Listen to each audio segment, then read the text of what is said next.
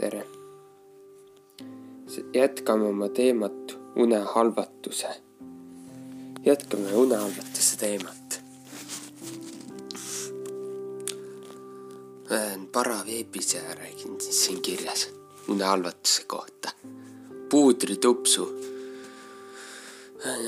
ma ei tea, kas sa kirjutad õigesse kohta, ei oska sellist asja selgitust leida. minuga juhtus öösel selline asi ja ma nägin unes laeva uppumist vesi hakkas laeva sisse voolama ja nii edasi. järsku ärkasin üles ja kuulsin kõrvades karjumist ja kiljumist. mul olid silmad lahti ja ma nägin enda tuba, aga ma ei saanud enda jäsemeid liigutada ja mitte midagi öelda ka ei saanud. ja see kestis kuskil minut aega, kui ma mitte midagi teha ei saanud ja siis ma võtsin jõu kokku ja kuidagi tulin sellest olekust välja. peale seda ma veel tükk aega hingeldasin, süda lõi hästi kõvasti täna ma terve päev olen mõelnud selle peale, mis ikkagi toimus. Kassiopeia kirjutab nii.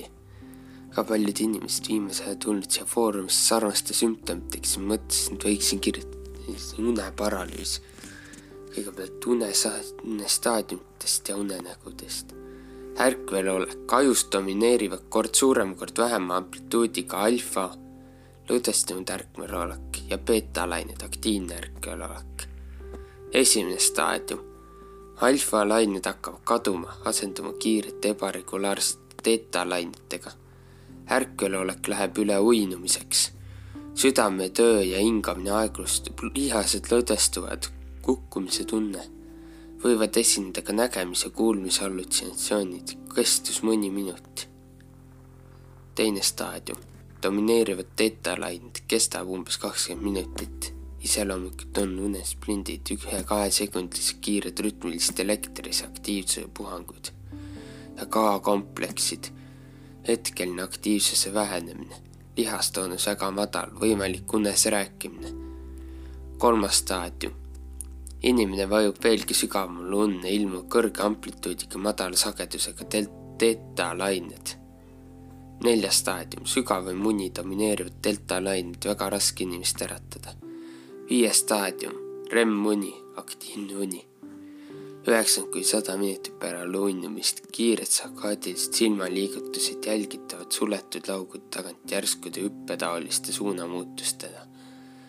EEG-st desünkroseenituid lained, sarnaselt alfa ja teeta lainetega, ainult EEG abil pole eristatav südametegevuse hingamine kiirenevad, aktiivne uni, lihaskond üldiselt A-tooniline, vahel võivad esineda lühiajalised tõmblused, nägusõrmed, aju verevool kaheksakümmend protsenti ärkveloleku ajas suurem.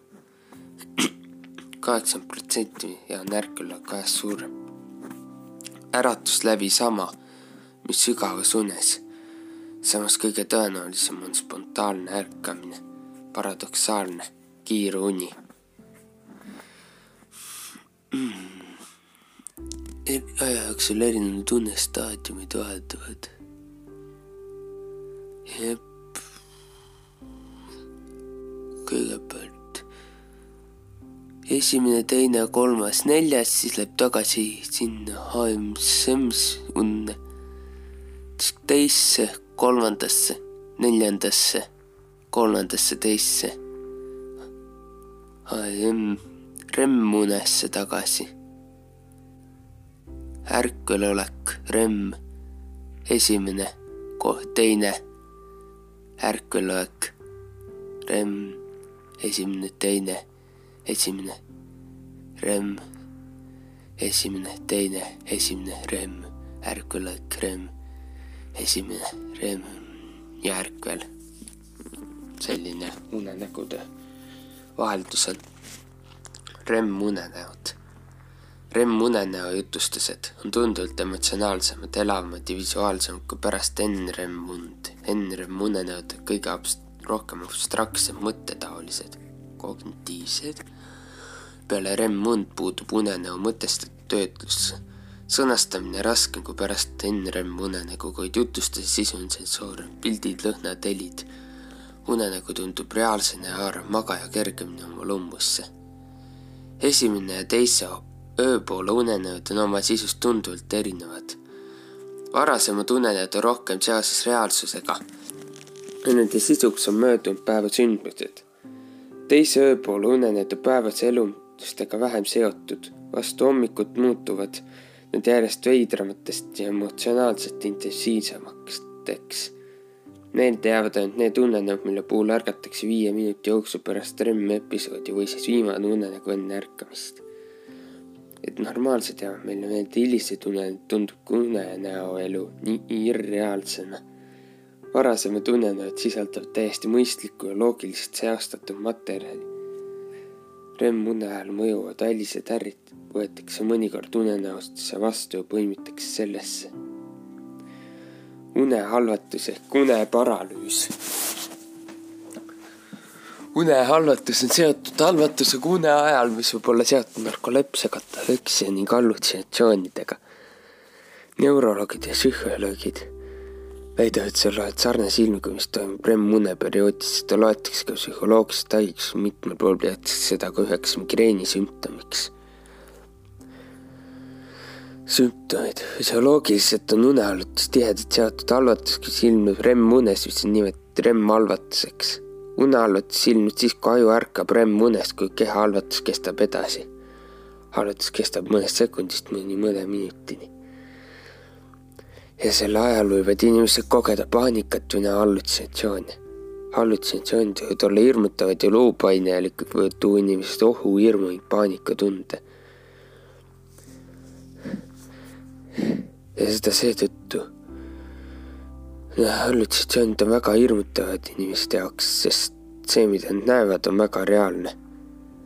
nägemust ja hallutsin, pooluneparalüüsi võib inimest segadusse ajada ning inimesed võivad kogeda nimetada kas uneks või täiesti normaalsest nägemisest, kuna asjad, mida hallutsin, nähakse kõrvuti tavaobjektidega. mõned teadlased väidavad, et ufode ja vaimude kohtumised nähakse just sageli just uneparalüüsi ajal ja seda seostatakse tihti kehaväliste kogemustega. põhjused, et REM-vallutus esineb REM-une ajal selleks, et inimesed teeks liigutusi järgi, mida nad unes näevad. madal melatoniini tase ajus pärsib närvilakkudes impulsi edasikannet. kui REM-uni läbi saab, siis suudate hallatust niipea lõpetada. Tihti on unehallatust inimesed, kes põevad narkolepsiat on ka märgata uneharjutust esineb rohkem Aafrikast pärit inimestel kui Kaukaasia päritolu inimestel. see ei ütle midagi suurt. samas on tähendab, et paralüüsi tekkele aitab kaasa magamine selline nägu ülevalpool. ebaregulaarne magamine, unepuudus, suurenenud stress, suured muutused elus, peres, keskkonnas, õudusunenäo, mis järgneb tunneparalüüsi. ravi ravi peaks alustama erinevate unestaadiumite selgeks tegemisest ning REM-valvetust uuridest. enamik subjekte aitab kõvasti unepuudus ja ebaregulaarse une vältimine. kui sümptom püsib, peab see pöörduma psühholoogi sest tegemist võib olla kas narkolepsiaga või psühholoogilise älbega.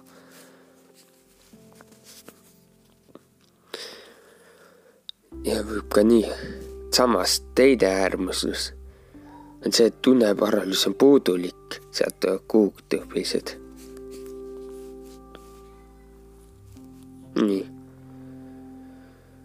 une ärkamise kogetavat uneparalüüsi saab kasutada ka positiivses mõttes. jah. sest see seisund on jahaplatvorm sisenevast lucid dream ehk siis enda loodud unenägudesse, kontrollitavasse unenägudesse ning astraalmaailma.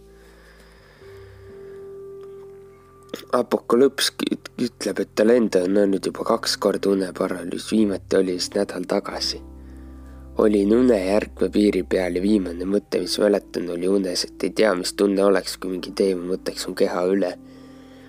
Pole õrna aimu, kus see nii teed on. no ja siis tuligi see paralüüs.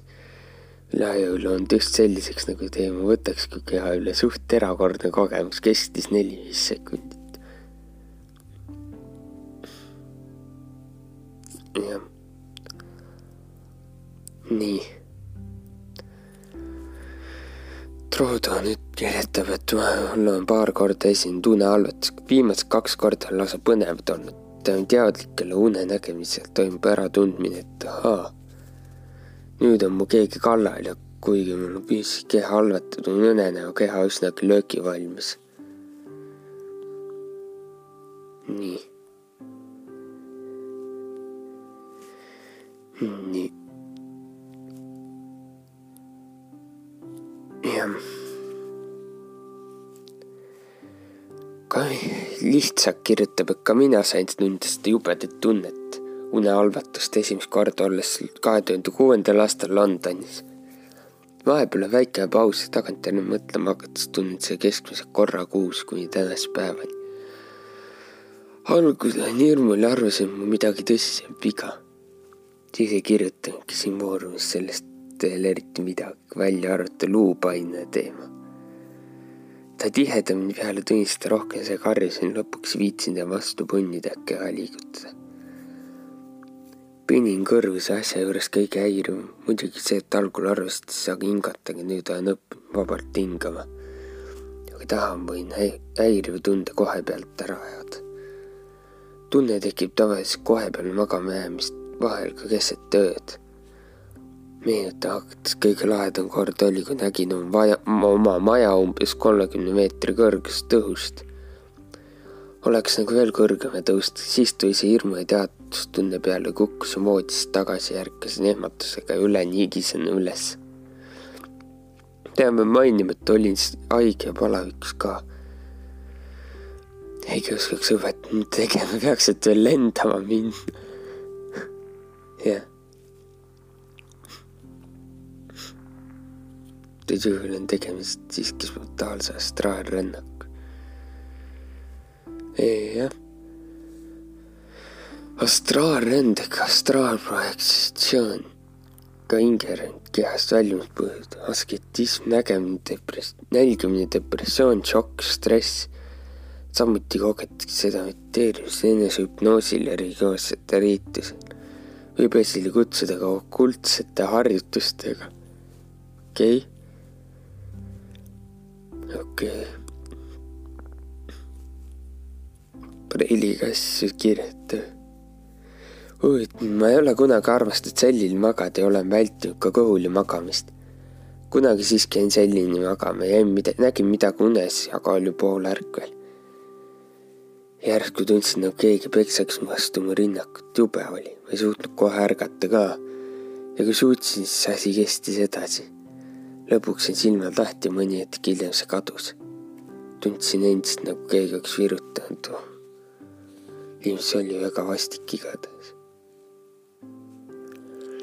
ja Kiisu null üks kirjutas sellise jutu. Minul algas see mõned aastad tagasi unehalvatus siis, kui olin reisil. olin jube väsinud päevast, viskasin voodisse pikali seljaga elukaaslase poole.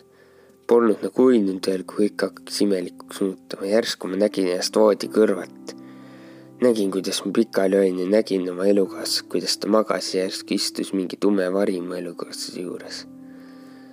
ma üritasin teda ära ajada sealt. Järsku ta istus mu keha juures, järgmisel hetkel olin nagu omas kehas tagasi ja tundsin, kuidas ta surub mind. surus nii kõvasti, et ei saanud hingata enam ja ma ei saanud karjuda ega liigutada, tundsin neid pisaraid endal voolamas lõpuks liigutada, aga ma nägin, et kõik on samamoodi. elukutset samas asendis, kell näitab samat aega, siis hirmutas mind täitsa ära. eriti see, ma nägin kõrvalt ja ärgates ei tea, kõik täpselt samamoodi. Teine hirmutav juhus oli kodus. oma toa ukse juures tumedat kogu, mis liikus tormilise kiirusega minu peale ja hakkas koheselt suruma ja ei saanud hingata sain välja sellest olukorrast, sain silmad lahti ja nägin uuesti tumedat kogu ukse juures kadus koheselt. sirutas tõsiselt, kuna ma olin ärganud istukil juba. Neid juhtunud on palju, palju. nüüdseks olen suutnud allutuse vastu panna. Hoopis piiri tunnetan, kui peaks allatus tekkima, suutnud nii, et ma ei lasku sellele, aga peale seda tekib, seda tekivad jube tugevad lihasevalud enam pole pikka aega uneallutust olnud, kunagi oli nädalas kaks-kolm korda, ütleb ta. Insan-, Insanity kirjutab nii, et nii palju lugenud ja uurinud, siis see tundub unehalvatus olevat. Algas see kolm aastat tagasi, unes, umbes kui ärkasin keset ööd üles ei suutnud oma keha liigutada ega häält teha. silmad olid aga veidi avatud ja ma nägin oma tuba. tundsin miski halb on mu toas mu selja taga mind tabas metsik hirmutunne, lihtsalt sisemised karjud, kisendid ja rabeldud, miski ei aita halvatust vabaneda. mäletan, et alguses ma ei osanud seisundit kirjeldada, kirjeldasin seda kui lihtsalt tunnet, et kogu keha, keha läheb krampi, aga halvatus on selle kohta vist täiesti parem öelda. ma ei julgenud enam magama minna, olin šokis, et selline asi üldse võimalik on, ei teadnud, mida mõelda või ette võtta. pärast esimest korda hakkas ta mind üha tihedamini külastama mõnikord mitu korda öö jooksul. kui päeval magasin, siis tuli päeval ka. Tundsin ette, kui nad tulema hakkas, aga kuna keha oli nii, nii väsinud unine, siis ei jõua ennast enne liigutada üles saada, kui on juba liiga hilja ja keha on krambis. esimestel kuudel ma lihtsalt tundsin, et keegi on selja taga, keegi nähtamatu, aga väga halb. rääkis paljud inimesed, kõik soovitasid psühholoogi juurde pöörduda, millegipärast ma ei teinud seda, vaid otsin mingit muud lahendust vahepeal ta käis harvem paari nädala tagant, vahepeal oli jälle iga öö. Palusin teda heade sõnadega, kui ütlesin talle halvasti, et mind ometi rahule jätakse, miski ei aidanud. lõpuks hakkasin temaga ära harjuma. mõtlesin, et tehke oma kollitamised ära, minge minema. aga kui ta oli ühe korra ära käinud ja ma ennast üles jäänud, vaid jäin kohe uuesti magama, siis ta tuli alati teist korda veel. mõnikord isegi kolmandat korda kui aga tõuseb korra istukile voodis, muudad asendit, siis tavaliselt on teinekord sama öö jooksul ei tulnud. Mida aeg edasi, seda rohkem ma sellega ära harjusin, ei kartnud enam magama minna, no nii see asi käibki. kui see juhtus, siis ta nii-öelda arenes edasi, hakkasin katsuma, näiteks tundsin ta käsi oma seljal või üleval kaela juures teki alt alla libisemas. lisaks ei olnud ta nähtamatu, vaid tume vari mõnikord ta kõndis teki peal, nii et ma nägin, kuidas väiksed lood teki sisse tekkisid. Mõnikord kiskus lihtsalt tekki, väga tihti ta surub ennast oma raskusega vastu oma pead, nii et selline tunne, et keegi üritaks mu pead lömastada, mis on valus. mingi aja hakkas tegelema aura tugevusest tšakrite hakkasin igasuguseid raamatuid erinevat energiast ja muust sellist lugema ja sellest, et peal palju harvem külasid nagu vanasti võib-olla seepärast ma olen ise rahulikult tasakaalukam kui vanasti, ei tea, ilmselt jah. Aga ta käib ikka veel, viimase kuu aja jooksul on ta käinud kaks korda, eelmine kord ta tõstis mind üle kogu keha üles. opa, tõstis kogu keha üles. võib-olla siis tingitud sellest, mõnda aega tagasi proovisin kehast väljuda ja sain nagu poole peale tulema. aga edasi pole õnnestunud. igatahes tunne oli sarnane viimane kord, kui ta tuli, oli umbes nädal tagasi, siis ta lihtsalt oli ja surus mu pead. kujutas, taevast valge valgus voodi peale ja ta kadus. ma isegi ei tõusnud istukile, vaid jäin kohe uuesti magama. tahaks lausa uuesti prooviks, teist korda mõjub. viimasel ajal on mu elu väga pingeline olnud ja, ja, ja nii. ülikooli lõpetasin maksud, tööl, palju tööl käimist lisaks ei ole eraelu kõige õnnelikum olnud. arvan, et sellepärast on ta ka viimasel ajal mind külastanud, suvel elas rahulikult stabiilset elu, ent tegesin igapäevaselt korraks üks neli-viis kuud kindlasti teda mu elus polnud. aga see, see liiga, liiga palju lugeda, lugeda võib, aga mis teavad selle kohta. ta ütleb, et ta oli täielikus šokis, kui sai teada, et mõned inimesed käib varju asemel kole vana naine või tulnukas on aastate jooksul tegelane arenenud, siis kardab maju genereerib sellest tumedast varjust ka mõne veel õudsema tegelase. tekib täielik hirm ja paanika, kui neid ülevalt toodud pilte vaatad. kardan, minu luupaine muutub veel hirmsamaks. mäletad, kui esimest korda neid videos pilte nägin, siis tükk aega kartsin jälle magama jäädes, sest arvasin, et juhtub veel midagi hullemat täna näiteks on ka kindlasti kõhe magama jääd. jah. Need on need hallutsatsioonid.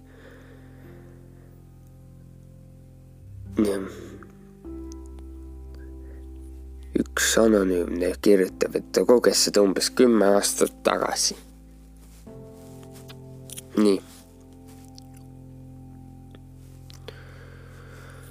Hakkasin magama jääma. ja siis äkki tundsin juba läbi une, et keegi kohendab mul tekki ja millegipärast mõtlesin, et see on surnud isa. jah, muidugi.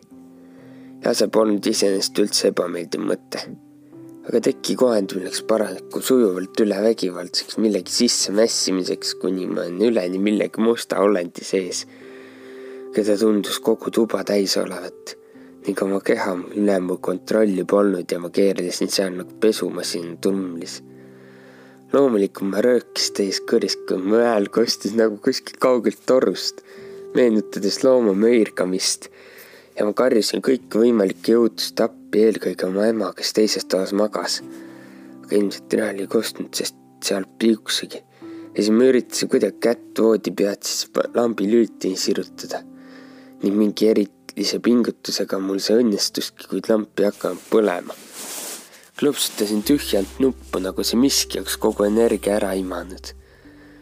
ja siis järgmisel hetkel ma mäletan, et olin põrandal nelja käpakil tundsin vaipa oma põlvede all. aga samas olin ma ka koer, õigemini koera, kuid see sees ja klap-, galopeerisin magamistoa lahtise õhuakna poole.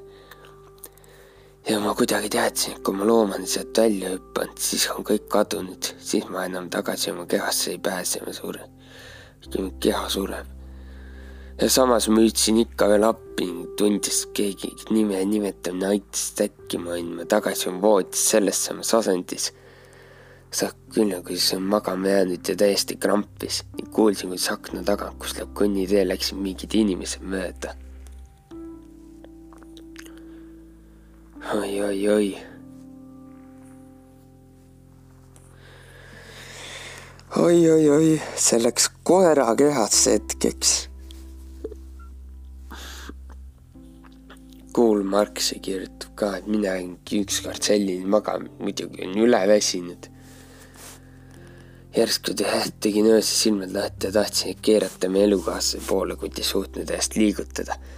Ma siis hakkasin hõikama oma arust oma elukaaslase nime, et ta aitaks mind ja midagi on juhtunud, ei saa liigutada jama ja selles ma ei jõudnud tema nime välja hääldada.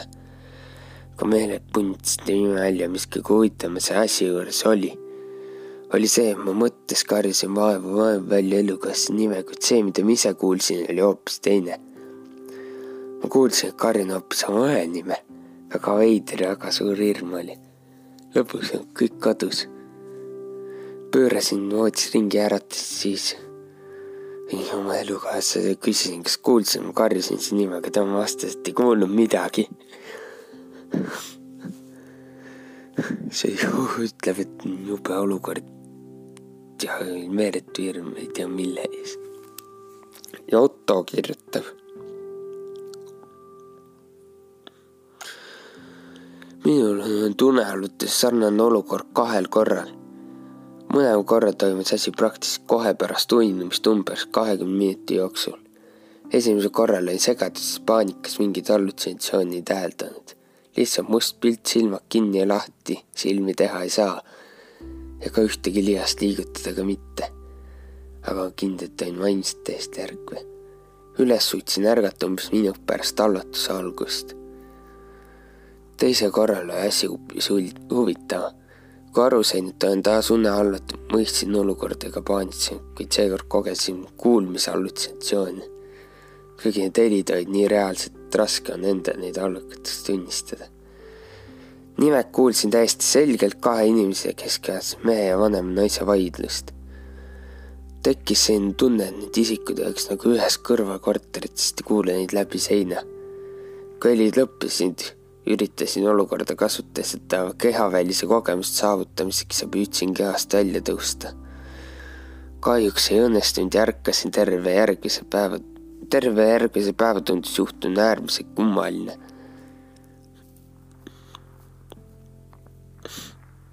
jah. jah. Süho kirjutab, no nii, täna öösel kogesin sellist asja, kestis minut aega. ühel hetkel avastasin, et olen justkui ärkvel, aga ma ei saanud mitte ühtegi kehaosa liigutada. suure pingut-, suure pingutuse peale avanesid silmad, siis läks hoog üle. keerasin selli ja üritasin uuesti uinida, siis tabas mind järjekordne hoog. kõrvades kuulsin palju vilinat, kõrvades kuulsin paljut vininat. eelnevate hoogude ajal kuulsin karjeid. jah natukene veel, paar lugu veel.